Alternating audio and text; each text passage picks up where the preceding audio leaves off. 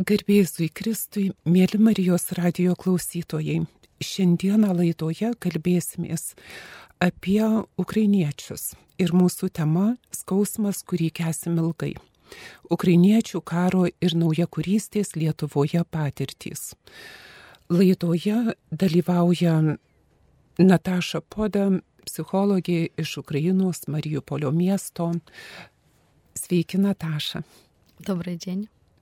Ir taip pat padės vers į lietuvių kalbą. Ala su Vaida. Mielos Ala ir Vaida. Labą dieną. Sveikinu. Labą dieną. O laidą vesiu aš, sesuo Daiva Kusmitskaitė. Mėla Nataša, šiandieną radio eteryje susitinkame po Dniepro sprogdinimu. Sukrėsti dėl naujų vulgarių invazijos veiksmų nukreiptų į taikius Ukrainos piliečius. Jūs pati ištrūkote iš Marijupolio, apie kurį Lietuvoje daugiausiai žinome iš mūsų žuvusio nukankinto lietuvio režisieriaus Mariaus Kvederavičiaus filmo Marijupolis. O kaip jums pavyko ištrūkti iš karo gniauštų ir pasiekti Lietuvą? Ar galit pasidalinti? Мы выезжали из Мариуполя уже 17 марта, когда продолжались еще бомбежки города Мариуполь, но выезжали все на свой страх и риск, потому что зеленых коридоров у нас не было, сопровождающих у нас тоже не было. Был только вариант пробовать самостоятельно. У нас произошел такой случай, когда к нам вечером 16 марта просто приехал в наш подвал парень и сказал, что появилась возможность, есть один из путей, как можно вырваться из города Мариуполь, потому что до этого возможности выехать не было. Все колонны, которые пытались выехать, они обстреливались, и ну, шансов как бы не оставалось. Поэтому, когда мы узнали, что все-таки появился такой коридор, и мы решили пробовать выезжать. Мы сообщили об этом соседям, людям, которые были с нами также в подвале, и предложили утром попробовать колонной, кто хочет выехать. Почему еще решили выезжать? Потому что на тот момент у нас закончились полностью продовольственные товары, и у нас был вариант, да, как мы обсуждали это вот в подвале, либо ждать прилета, что будет дальше, либо умирать голодной смертью, либо попытаться на свой страх и риск под бомбежкой выехать из города.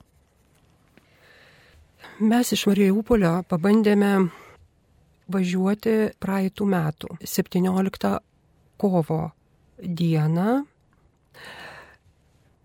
Kovo 16 dieną į mūsų slėptuvę atėjo vyrukas ir pasakė mums, kad yra galimybė pabandyti išvažiuoti menamų koridorium atsiradusių iš šalies.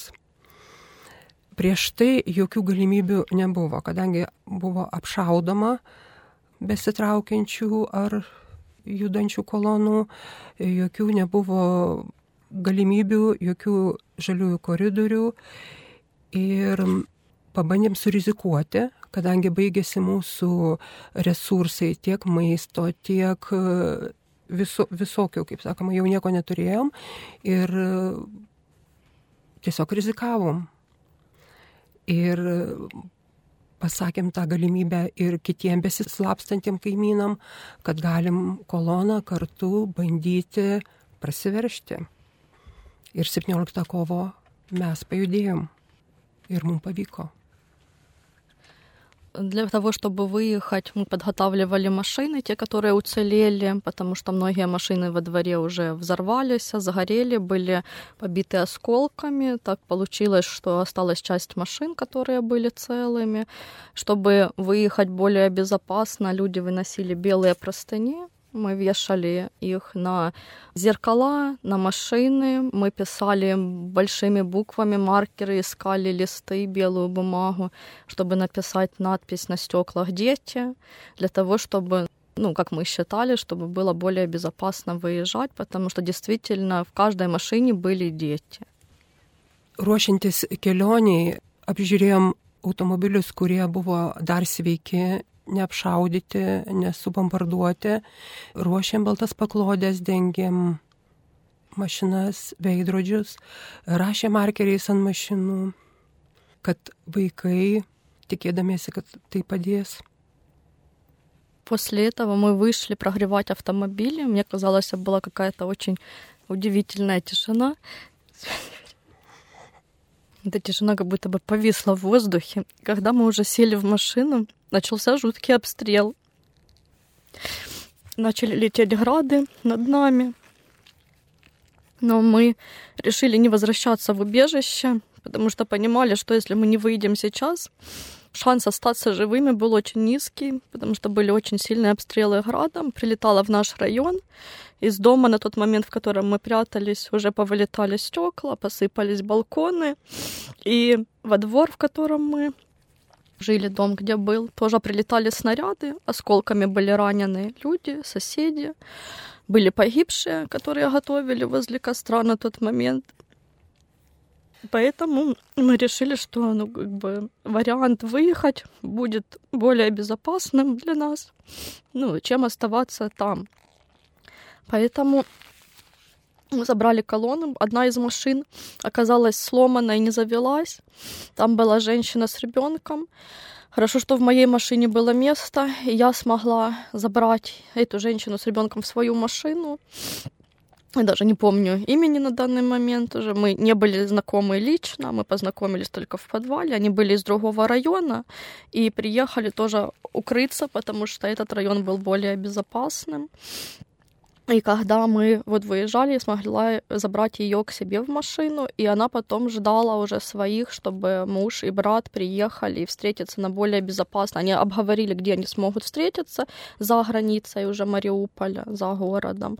И мы ее высадили для того, чтобы она потом дождалась, но их машина, к сожалению, ну, долго имела поломку, и долго они вот возились, а это было очень опасно оставаться на улице, поэтому мы все равно поехали. Tuo metu, kai ruošėmės išvažiuoti, prasidėjo labai didelis apšaudimas. Ir sprogo ir bombos, ir tas namas, kuriame mes liepėmės, irgi buvo apšaudytas. Ir jau mes nebeturėjome kur grįžti. Ir mums pasirinkimo, ar likti gyviem, irgi labai mažas procentas liko.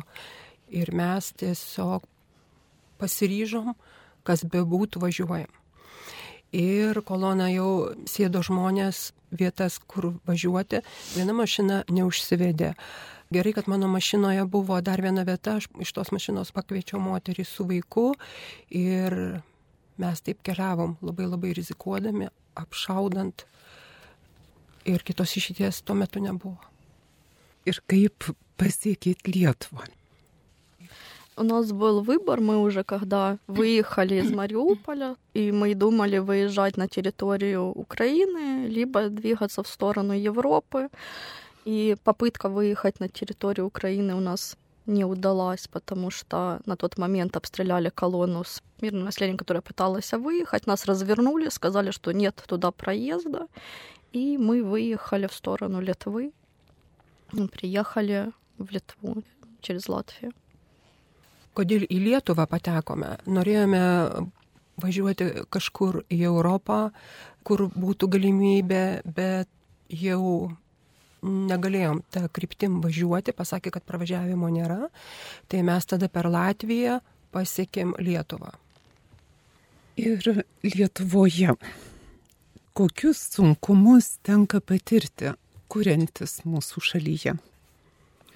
Tai ir darbas, mokykla, bažnyčia, viskas nauja. После того, как мы переехали в Литву, ну, столкнулись первая проблема, которая была наибольшая, да, это поиск работы, потому что финансы нужны были для того, чтобы иметь возможность проживать в стране. Дальше многие украинцы, с которыми я уже общалась, а после приезда, ну, как бы начали находить, да, кто из украинцев, своя община, и начали обсуждать эту тему, и была, да, была проблема в том, что школа, поиски школы, позже, когда уже пришла Пасха, люди столкнулись именно с проблемой, что а где же можно в Литве найти православную церковь и сходить посвятить пасочки, Ну, то есть было изначально очень много вопросов, на которые не было, ну, для нас тогда не было ответов. Наверное, мы не владели на тот момент просто еще информацией большей. И так постепенно уже начали ну, как вливаться в Литву благодаря литовцам, которые подсказывали, рассказывали, куда можно сходить, где можно обратиться, как вообще искать работу, где это может быть, через какие источники. Tai sunkumai tokie. Pirmiausia, tai paieška darbo. Kadangi trūksta lėšų, reikia pragyventi, reikia vaikams mokytis, mokyklų ieškoti. Po truputį, po truputį pradėjome atradinėti, ieškoti informacijos. Lietuviai padėjo, aiškino, pasakojo, kaip galima būtų tai padaryti, Taip pat su savo bendruomenės nariais, ukrainiečiais susitikę mes irgi dalinomės patirtimis, kas ką surado ir kaip galėtų tai padaryti. Taip pat artėjo Velykos, mes norėjom surasti netgi, kur nueiti pasimelsti, kur uždegti žvakutę, atrasti bažnyčią. Viską po truputį, po truputį, po žingsniuką. Aišku, ir kalbos nežinojimas, bet po truputį su žmonių pagalba vietinių mes kūrėmės. Ir Nataša, žinau, kad sudėtingai yra maldos klausimas. Ortodoksų bažnyčia Lietuvoje, na, atsigręžusi į Maskvą. Ką jūs daro tada? Aišku, pastaruoju metu jau teko matyti, kad atvyksta ortodoksų kunigai padėti, bet ne kiekviena mieste yra. Э, когда мы узнали, да, нам сказали, что в Каунасе есть церковь Московского патриархата, но многие украинцы отказывались просто идти туда, и мы искали церковь очень долго э, Киевского патриархата, но, к сожалению, на данный момент в Каунасе такой нет. И мы надеемся, что, возможно, в будущем мы найдем все-таки такое место, где можно будет ее организовать, чтобы люди, которые православной веры, могли приходить именно в своей вере, в свою церковь. Kaune šiuo metu nėra tokios cerkvės, kad būtų Kievo pakraipos. Ir iš tikrųjų, kurieniečiai neturi kur eiti melstis, bet labai tikisi, kad ateityje tokia galimybė atsiras. Ir aš prisimenu mūsų pokalbį su Nataša kaip tik artėjant kučioms, kalėdoms, kai su dideliu ilgesiu ir skausmu dalyjosi apie tai, kaip namuose šalia esančioje cirkvytėje jie melsdavosi, dalyvaudavo ypatingai turtingoje liturgijoje. O tuo tarpu čia tiesiog negali eiti į Maskvos patriarchato bažnyčią, ten, kur iš tikrųjų patys giliausi jausmai, religiniai jausmai ir pati žmogaus tapatybės gelmė tiesiog neleidžia būti ir čia paliesta invazijos. Ir toliau norėčiau klausti, karas, kaip girdėjom, karo traumos paveikia kiekvieną žmogų, net ir mus, na, Lietuvoje, kur karo nėra. Ir kokie akivaizdus karo traumų bruožai, kuriuos jūs pažįstate tiek savyje, ukrainiečiuose. Klausiu dėl to, kad galėtume būti jautresni ir atjautus pirmiausia patys savo, o tada ir šalia esantiems, tiek iš Ukrainos, tiek mūsų žmonėms. Какие очевидные признаки травмы у людей. Ну, это нужно понаблюдать за своим состоянием. Если у человека наблюдается бессонница, нарушение аппетита, это может быть как наоборот большая тяга к тому, чтобы есть, либо наоборот ухудшение аппетита и нежелание. Это может появиться избирательность, либо могут быть такие варианты, когда любимые продукты не приносят уже удовлетворения и радости, либо переключение наоборот. Если человек не любил сладкое и он вдруг начинает замечать за собой, что начинает есть очень много сладкого, то есть это заедание стресса. Это нужно обращать внимание на сон, как вы себя чувствуете. Нужно понимать, как вы относитесь к той информации, которую вы получаете из новостей. Ну, то есть не происходит ли повторная травматизация через новости. Нужно фильтровать очень сильно информацию, которую получаете, и усваиваете. Обратить внимание на свое состояние, что вы при этом чувствуете, какие эмоции вы переживаете. Также нужно обратить внимание, что насколько вы готовы говорить об этой проблеме. Нет ли такого, что вы уходите вглубь, либо постоянно избегаете, наоборот, этой темы, не касаясь, что происходит война, либо уход от этой темы и проблематики вообще полностью в жизни. То есть и дома не поднимаются темы, ни в обществе стараться не говорить об этом. Значит, внутренняя есть очень сильная травма, из-за которой вы боитесь задеть эти темы. И что бы я могла порекомендовать в этой ситуации, это обратиться к психологам, которые работают в Каунасе, либо же, если комфортнее онлайн, то в онлайн формате, но обязательно обговорить свою ситуацию, потому что каждый человек, он индивидуален, и нельзя сказать, что есть какие-то методы, которые подойдут однозначно каждому и всем. У каждого свое видение войны, у каждого свое переживание, у каждого по-своему обострены чувства в этом плане, поэтому без помощи специалиста очень сложно обойтись. Можно искать, да, в интернете какие-то поддерживающие техники, но все-таки это будет более продуктивно, если обратиться за помощью и получить то, что именно подойдет для вас. Karo traumų bruožai pirmiausia būtų miego apetito sutrikimai. Reikia stebėti, žiūrėti, kaip miegasi, nesimiega. Apetito sutrikimai gali būti, kad visai žmogus nenori valgyti arba kaip tik padidintai valgo ir taip raminasi. Gali prasidėti kažkokie produktų naudojimai, kurių, pavyzdžiui, visai net nemėgo. Tai čia viena iš dalių būtų. Toliau informacijos atsirinkimas. Vieni galbūt vengtų visiškai girdėti ir kalbėti apie karą ir taip užsidaryti, užsisklęsti būtų vienas iš požymių. Kitas, kaip tik informacija vis žiūrėti, žiūrėti ir vėl save traumuoti. Tai reikėtų jau selektyviai žiūrėti, atsirinkinėti informaciją. Jeigu labai sunku, Kaune tikrai yra pagalba suteikiama psichologų, kreiptis į psichologus, o šiaip, kaip Nataša sako, nėra vieno metodo, kuris tiktų visiems žmonėms, todėl konkrečiam žmogui ir reikėtų kreiptis į specialistą, kad jis pritaikytų ir pagelbėtų būtent tam konkrečiam žmogui, nes mes esame skirtingi. Ačiū. Klausantis to, ką Nataša paminėjot, mes lietuviai irgi turėjom labai panašią istoriją, būdami didžiojo kaimyno glebyje. Tad kas metai minim savo kolektyvinės trauminės patirtis, pavyzdžiui, ar tai būtų trėmimai į Sibirą, ar sausio 13-osios įvykiai. Ir tą darom įvairiom gydančiom formom. Pavyzdžiui, minėjimai, maldos, poezijos skaitimai, įvykių prisiminimai ir perpasakojimai. Nu, aš čia paminėjau tik kelis, bet tai padeda atkurti ir gydyti net kolektyvinę traumą.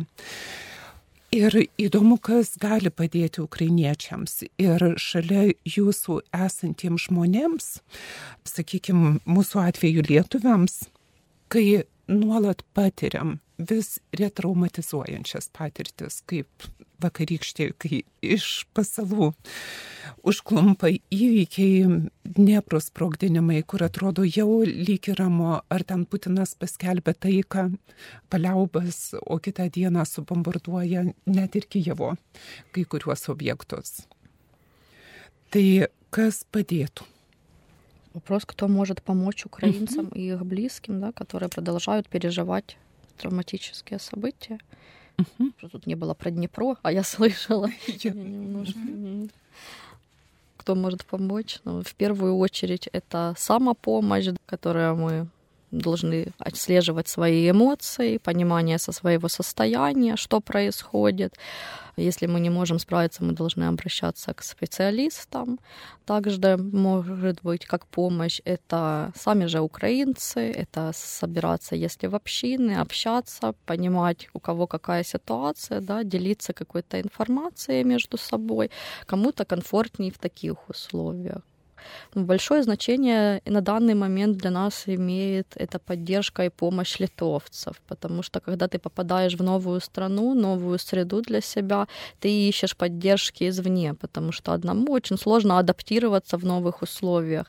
И я вот очень благодарна от себя лично литовцам и Литве, потому что очень отзывчивые люди, они и так нам помогают очень много. Мы понимаем, что у всех, возможно, не хватает терпения, что это все тоже очень затянулось, но нужно понимать, что и нам в этой ситуации тоже очень нелегко все это переживать. Нам, конечно, тоже было бы комфортнее, если бы мы были дома и не делали как бы дополнительных трудностей там финансовых и, возможно, моральных для Литвы, для литовцев, которые бьют по бюджету страны. Но, к сожалению, так складываются наши обстоятельства, что мы вынуждены сейчас находиться здесь и искать помощи и поддержки у Литвы и литовцев. Kaip ir sakė pašnekovė, jeigu patys nesusidorojate su kilusiais sunkumais, jeigu patys savo padėti ir analizuoti per sunku, reikėtų kryptis į specialistą, psichologą. Kai kam, kai kuriems žmonėms padeda bendruomenė, susirenka su to paties likimo, su tautiečiais, ukrainiečiais ir dalinasi susirenka ir dalinasi savo ir patirtim ir palaikymu. Labai palaiko lietuviai, labai palaiko ir labai dėkingi ir pati pašnekovė ir, ir kiti kurainiečiai dėkingi lietuviam, kad padeda adaptuotis, nesupranta, kaip sunku šaliai ir lėšos ir visa pagalba, kiek tai daug skiria ir padeda lietuviai. O patiem sudėtinga be savo namų, be savo aplinkos ir bando gyventi. Taip, ir Nataša, kuo mes galėtume labiau padėti? Tie, kurie šalia gyvename, tiek jums, vaikams, ne tik Lietuvoje, bet ir tėvinėje. Aišku, žinom akcijas, kurios vyksta pagalba frontui, ar, sakykime, koinės, pirštinės ir taip toliau. Tad kuo norėtumėt pasidalinti su klausytojais, kokia ta pagalba būtų čia jums esantiems labiau reikalinga, ar pamatot, kas būtų paveiko? Что касается детей, да, любой ребенок хочет иметь счастливое, беззаботное детство. К сожалению, многим украинским деткам пришлось столкнуться с другой реальностью, с другими реалиями этой жизни, с войной, видеть много негативных событий. Поэтому самое главное — это возвращать детей к их детству, к позитивным эмоциям. Очень важно, чтобы сами родители или лица, сопровождающие детей, были тоже в ресурсе, чтобы могли поделиться этим ресурсом с ребенком, поддержать его в нужный момент, понять вовремя, что с эмоциональным фоном ребенка что-то не так. Также есть э, специалисты, которые могут помочь. Есть э, комнаты игровые, есть зоопарки. Ну, то есть нужно не держать ребенка как в замкнутом пространстве, да, в другой стране, что вот пересидим, уедем. Нужно вспоминать, что это ребенок, что ему нужно обязательно позитивные эмоции и возвращение в его детское состояние, счастливое, беззаботное детство. Jeigu turite omeny vaikus, tai žinoma, būtų smagu, kad vaikai turėtų vaikystę ir nerūpestingą ir galima būtų jiems suteikti tą džiaugsmą. Tiek, kiek galima vaikus užimti tiek žaidimais, tiek pozityviom mintim, tiek rodymų, parodymų, kiek galima pagelbėti, stebėti vaikų elgesį, taip pat reikėtų, jeigu jie užsisklendžia, jeigu kažkaip tai kitaip elgesi, taip pat reikėtų specialisto pagalbos. Ir Nataša, o jūs ką darote šiuo metu Lietuvoje? В Литве на данный момент я начала сотрудничать с Каритасом. Мы помогаем деткам, которые оказались в сложных жизненных обстоятельствах, украинцам, которые были вынуждены покинуть свою страну из-за войны.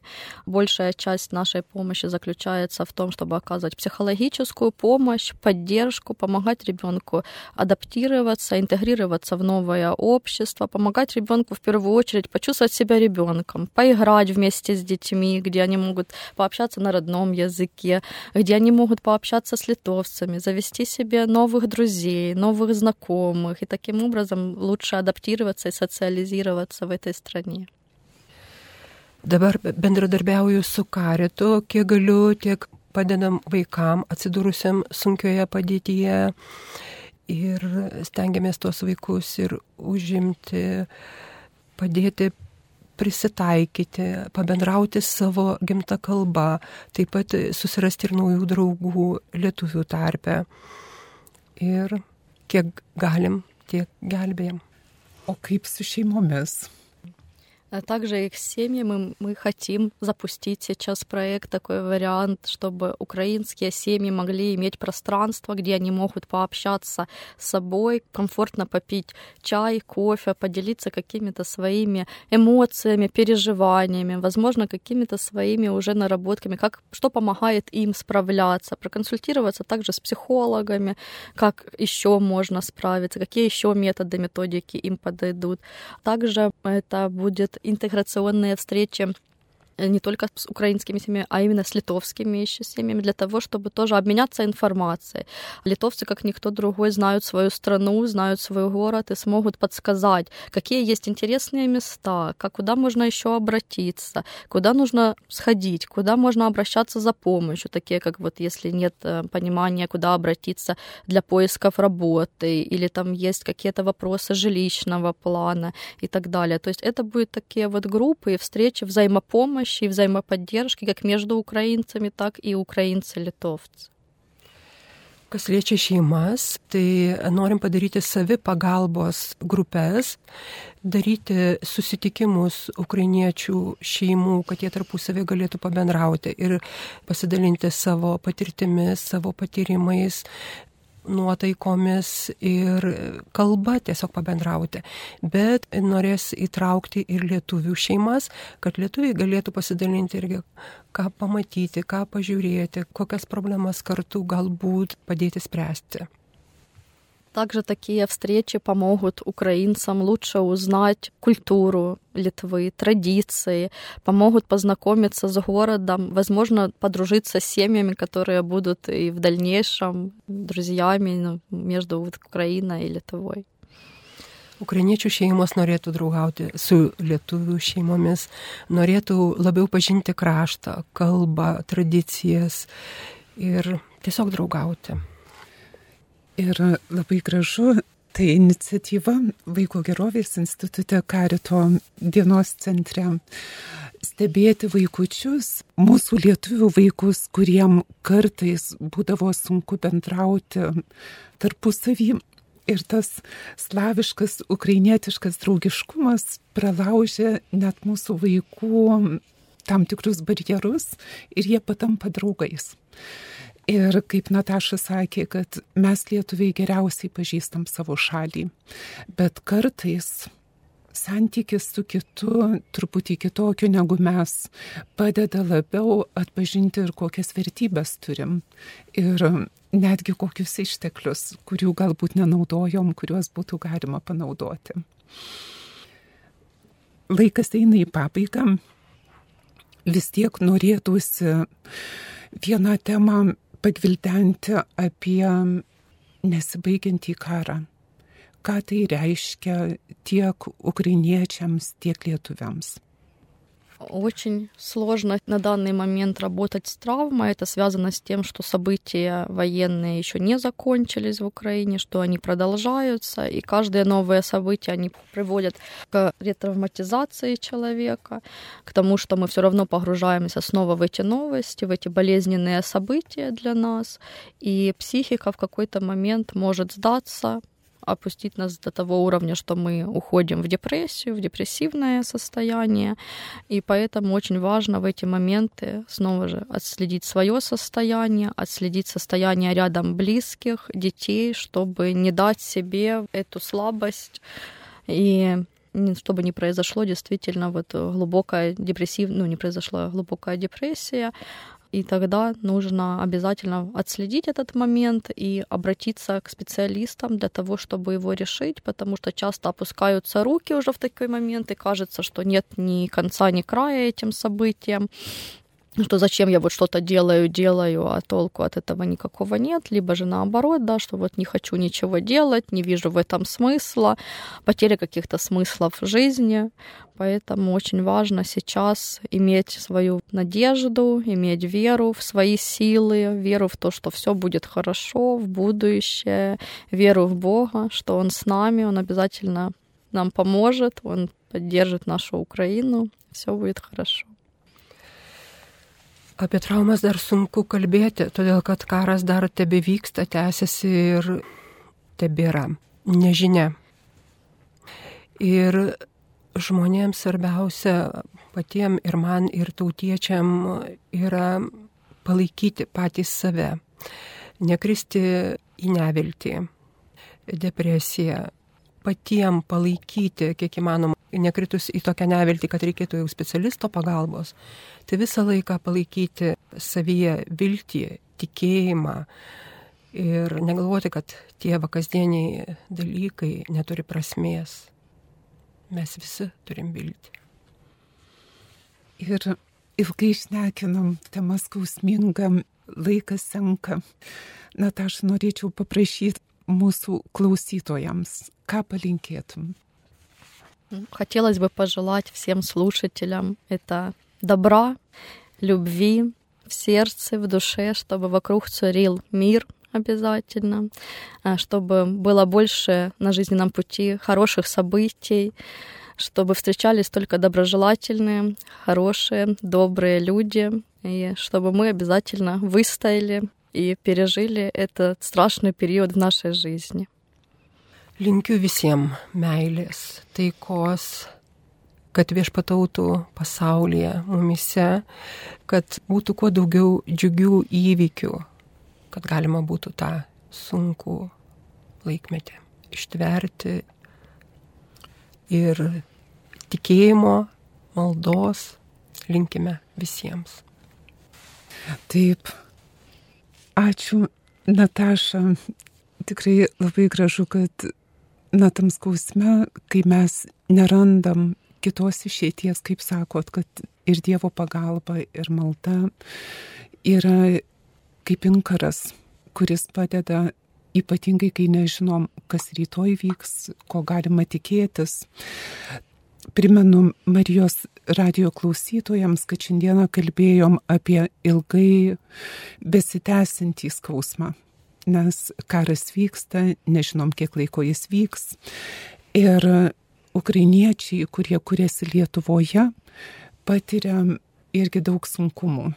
Nežiūrint to, kad atvažiuoja pas mūsų kančia ir tą naują sėklą, naują kurystės sėklą sėja taip pat laistytame ašarom, gedėdami mirusių, žuvusių ir taip pat sutikdami sunkumus mūsų šaly. Tai ačiū Natašai, ačiū ukrainiečiams, kuriuos likimas ar Dievo valia leido mums priimti ir pažinti. Ir dėkojam Lietuvos žmonėms ir mūsų klausytojams, kurie melžiasi, kurie padeda tiek Lietuvoje esantiems, tiek siunčiantiems į Ukrainą pagalbą. Ir norėčiau pabaigti šią laidą padėką, o taip pat ir malda, kad viešpats saugotų ir Lietuvą, ir Ukrainą, ir visą pasaulį nuo karo baisybių, nuo nuodėmės, kuri vis tiek suveši ir atsigręžia prieš žmogų, naikina gėrį. Tai uždėkime žvakes šviesos, meilės, gerumo, kaip sakė Nataša. Ir remkimės į viešpatį, kuris mus pašaukė ir kuris šaukia mus eiti šioj žemėje taikos ir gėrio keliu. Ačiū, mėla Nataša, dėkoju Alai už vertimą, kuris turbūt irgi rezonuoja netaip lengvai skausmingom patirtimis. Laidą vedžiau aš, sesuo Daiva Kuzmitskaitė, iki kitų kartų su Dievu.